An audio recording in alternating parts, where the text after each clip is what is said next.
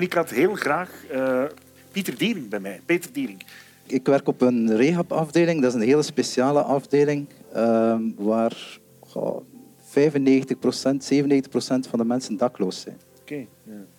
En daar zitten ook geïnterneerden tussen. Maar ik moet zeggen dat ik daar nooit heel groot onderscheid in gemaakt heb in de opvolging van die mensen of in uh, andere mensen met psychische kwetsbaarheid. En dat is hiervoor al eens aangehaald door iemand die zei van als je op de verkeerde moment, uh, de verkeerde omstandigheden, de verkeerde plaats bent, dan doe je soms dingen waar je achteraf uh, spijt van hebt. Mm -hmm. En het kan even goed zijn dat dit niet was gebeurd als er uh, meer ondersteuning was geweest of meer hulp was geweest op voorhand. Mm. Dus ik ga er niet van uit dat, dat mensen met internering nu precies helemaal andere mensen zijn dan degene die ik uh, normaal gezien begeleid. Ja, ja. En, en verschilt de, de, aanpak wel dan? Concreet, therapiegewijs? bij ons niet, nee. nee. nee. Omdat wij eigenlijk wij willen het woordje therapie zelfs wat verbannen uit wat we aan het doen zijn. Omdat we heel wat van die dingen die we doen met, samen met mensen proberen we net te gaan normaliseren. Dus als je kooktherapie doet, uh, waarom zou dat therapie zijn? Dat is gewoon samen koken. Um, wij proberen wel heel sterk de nadruk te leggen op verbinding maken. Dus als wij een activiteit doen, dan proberen we dat in samenwerking met andere mensen te doen, met buurtbewoners te doen, met vrijwilligers te doen, zodat er optimale omstandigheden zijn tot ontmoeting eigenlijk. We zijn heel erg bezig om mensen uit een isolement te halen. Nu, rond internering zou ik nog wel willen zeggen van, dat ik een, een klein beetje... Ik, ik vind het een heel, heel erg goede zaak wat, wat gebeurt uiteraard dat mensen uit de gevangenissen wegraken.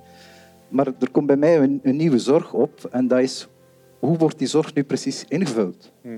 Wat wij doen van op de afdeling is mensen als burgers te gaan bekijken, als mensen te gaan bekijken uh, met een achtergrond, met een context waarin dat ze zitten. Ik hoor hier en daar nu meer en meer zeggen van rond internering, dat is een specialisering. Dat is iets apart. En als je dan doorluistert, dan betekent die specialisering eigenlijk dat men heel fel blijft aandringen, op zoek gaan naar de feiten die gebeurd zijn. Men wil zo weinig mogelijk risico nemen dat het opnieuw gebeurt en legt daar heel sterk de nadruk op. Waardoor dat je mensen telkens weer in die positie terugduwt van wat ze daar hebben fout gedaan en dan gaat culpabiliseren telkens weer opnieuw. Dus de, ik heb een beetje zorg als mensen zeggen van oké, okay, we gaan ons specialiseren. Ik vind dat je vooral in de geestelijke gezondheidszorg heel generalistisch moet kunnen werken, met een context moet kunnen werken. Wij delen dat in als... Uh, organisatietijd en individuele tijd. Hmm. Organisatietijd is al de tijd die je eigenlijk besteedt om het, om het goed te laten draaien van je instelling. Mm. En individuele tijd is eigenlijk de tijd die je besteedt aan patiënten. En door die opsplitsing kunnen we telkens nagaan van we zijn nu vooral bezig met organisatietijd. Mm. Dit moet ook gebeuren. Grote instellingen moeten ook kunnen draaien. Maar het zou kunnen helpen als je, als je in, op die organisatietijd inbreuk laat plegen door mensen, door patiënten inspraak te geven. Dus wij proberen van zo weinig mogelijk vergaderingen te hebben waar geen patiënten bij aanwezig zijn. Ja, ja. Ja. Waardoor dat je organisatietijd plots wel individuele tijd wordt. En, en, en uh, voor jezelf, ja, je komt vaak toch in aanraking met intense ja, verhalen. Ja.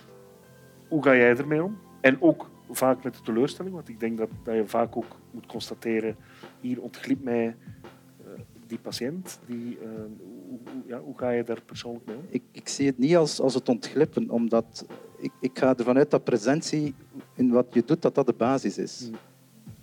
En die, die heb je zelf in handen, die presentie. Dus zolang je zelf present blijft, is er geen mislukking. Hmm.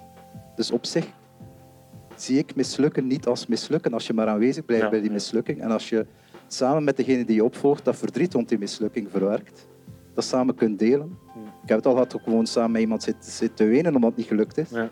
En dat je dan gewoon de weg in gaat en zegt dan, hoe gaan we dit nu opnieuw aanpakken? Hmm. Dus het, het, delen van, van wat je meemaakt met mensen, daardoor kan je nooit mislukken. Ja. Ja. En, en hoe, hoe dicht is dan de grens? Want, want, want wat is, uh, jij bent therapeut daar? Ik ben psycholoog, psycholoog. maar ik, ik ben eigenlijk de laatste tijd vooral meer mee bezig met kwartier maken. Dus hoe je de maatschappij, de omgeving gastvrijer maakt voor de mensen die je begeleidt. Dus ik probeer eigenlijk minder de mensen te veranderen dan de omgeving te veranderen, de context te veranderen. Ja, ja. Een heel mooi voorbeeld gaat trouwens over, iemand die, die geïnterneerd was. Is, hij werd opgevangen in een doorgangshuis. En het mislukte. Hij verviel telkens in, in, in, in eh, ehm, druggebruik. Hij wordt aangekondigd op onze afdeling. Dus wij moesten hem opvangen. En het toeval wil dat, eh, dat er net op dat moment dat hij bij ons wordt aangekondigd, er een plaats vrijkomt in een beschutte woonplaats. Mm. En vanuit die doorgangshuis had men gezegd van die man heeft nog heel wat begeleiding nodig, want hij vervalt telkens weer in druggebruik. Dus je moet die een programma geven. Nu, wij doen dat al niet, zo'n programma geven. En toen die ruimte er kwam in beschut wonen, hebben we gezegd van laten we alstublieft die kans geven in beschut wonen om daar naartoe te gaan. Mm. En die mens is daar, is, daar, is daar heel veel jaren gebleven in dat beschut wonen. Mm. Dus dat is gelukt. Mm. En toen we aan hem vroegen van, hoe komt dat nu? In dat doorgangshuis ging het telkens fout, in beschut wonen lukte het. Zei hij, in het doorgangshuis zaten alle andere mensen die ook in het gebruik zaten. En dat zorgde ervoor dat ik herviel. In het beschut wonen was er niemand in het gebruik. En dat zorgde ervoor dat ik overeind bleef. Ja.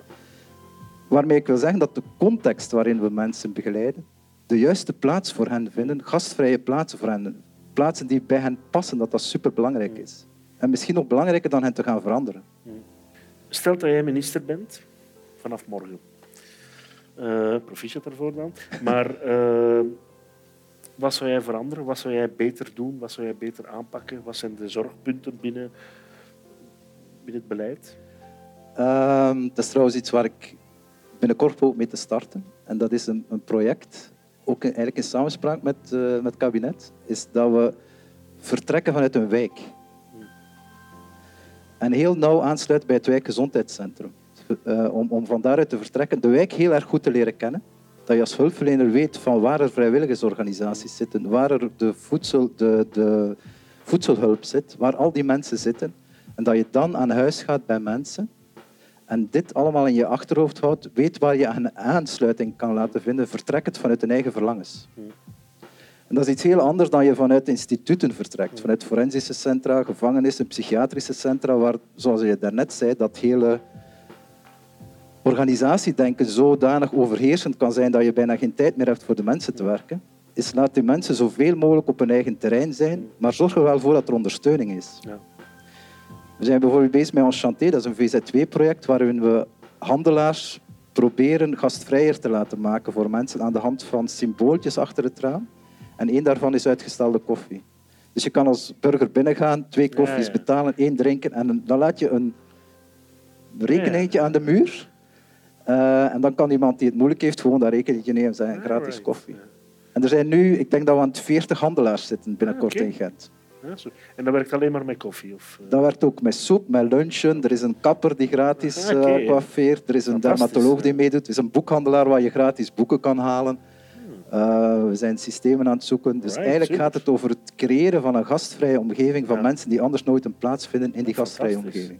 Super. Dit zijn allemaal projecten. Allee, mensen zeggen soms je droomt, je wil een betere wereld, maar je kunt echt een betere wereld creëren als je in je onmiddellijke omgeving zeer concrete dingen begint te doen. Ja. Heb jij nog een boodschap naar mensen die eh, ja, aan het begin of aan, aan een traject nog moeten beginnen? Mensen die geïnterneerd zijn? Of Ja. hoe? Ehm, Die aan het begin staan? ik, ik, eigenlijk is mijn hoop dat je goede hulpverleners vindt. Hm. Mensen met een hart voor, voor jezelf, eh, voor de omgeving, mensen die met je familie aan de slag willen, mensen die met je vrienden aan de slag willen, mensen die openstaan voor, eigenlijk voor al jouw krachten die jij hebt. Hm. En vooral wil gaan richten op jouw mogelijkheden en niet op wat je ooit hebt fout gedaan om te voorkomen dat dat opnieuw allemaal zou Ja, gebeuren. ja, Die insteek. ja. ja. En wat is de definitie van een goede hulpverlener? Ik denk dat een goede hulpverlener net die, die is die gaat zoeken van... Door samen op stap te gaan met mensen, ontdekken van waar mensen goed in zijn, zelfs op zo'n manier dat ze het misschien zelf zouden kunnen vergeten zijn dat ze er goed in waren. Door samen dingen te gaan doen dat je zegt, tja, wist je dat? Je kan dat heel erg goed. Ah ja, ja, maar dat is normaal. Ik heb het jou nog nooit horen zeggen. Maar ik zie het nu gebeuren. Ja. En misschien kunnen we daar nog wel iets mee. Die, die mentaliteit is het eigenlijk. Heel wegkomen uit die ivoren torens van die instellingen, wegkomen uit die bureaus, in de wijken samen op weg gaan met mensen. Dat is het belangrijkste. Oké. Dank u wel.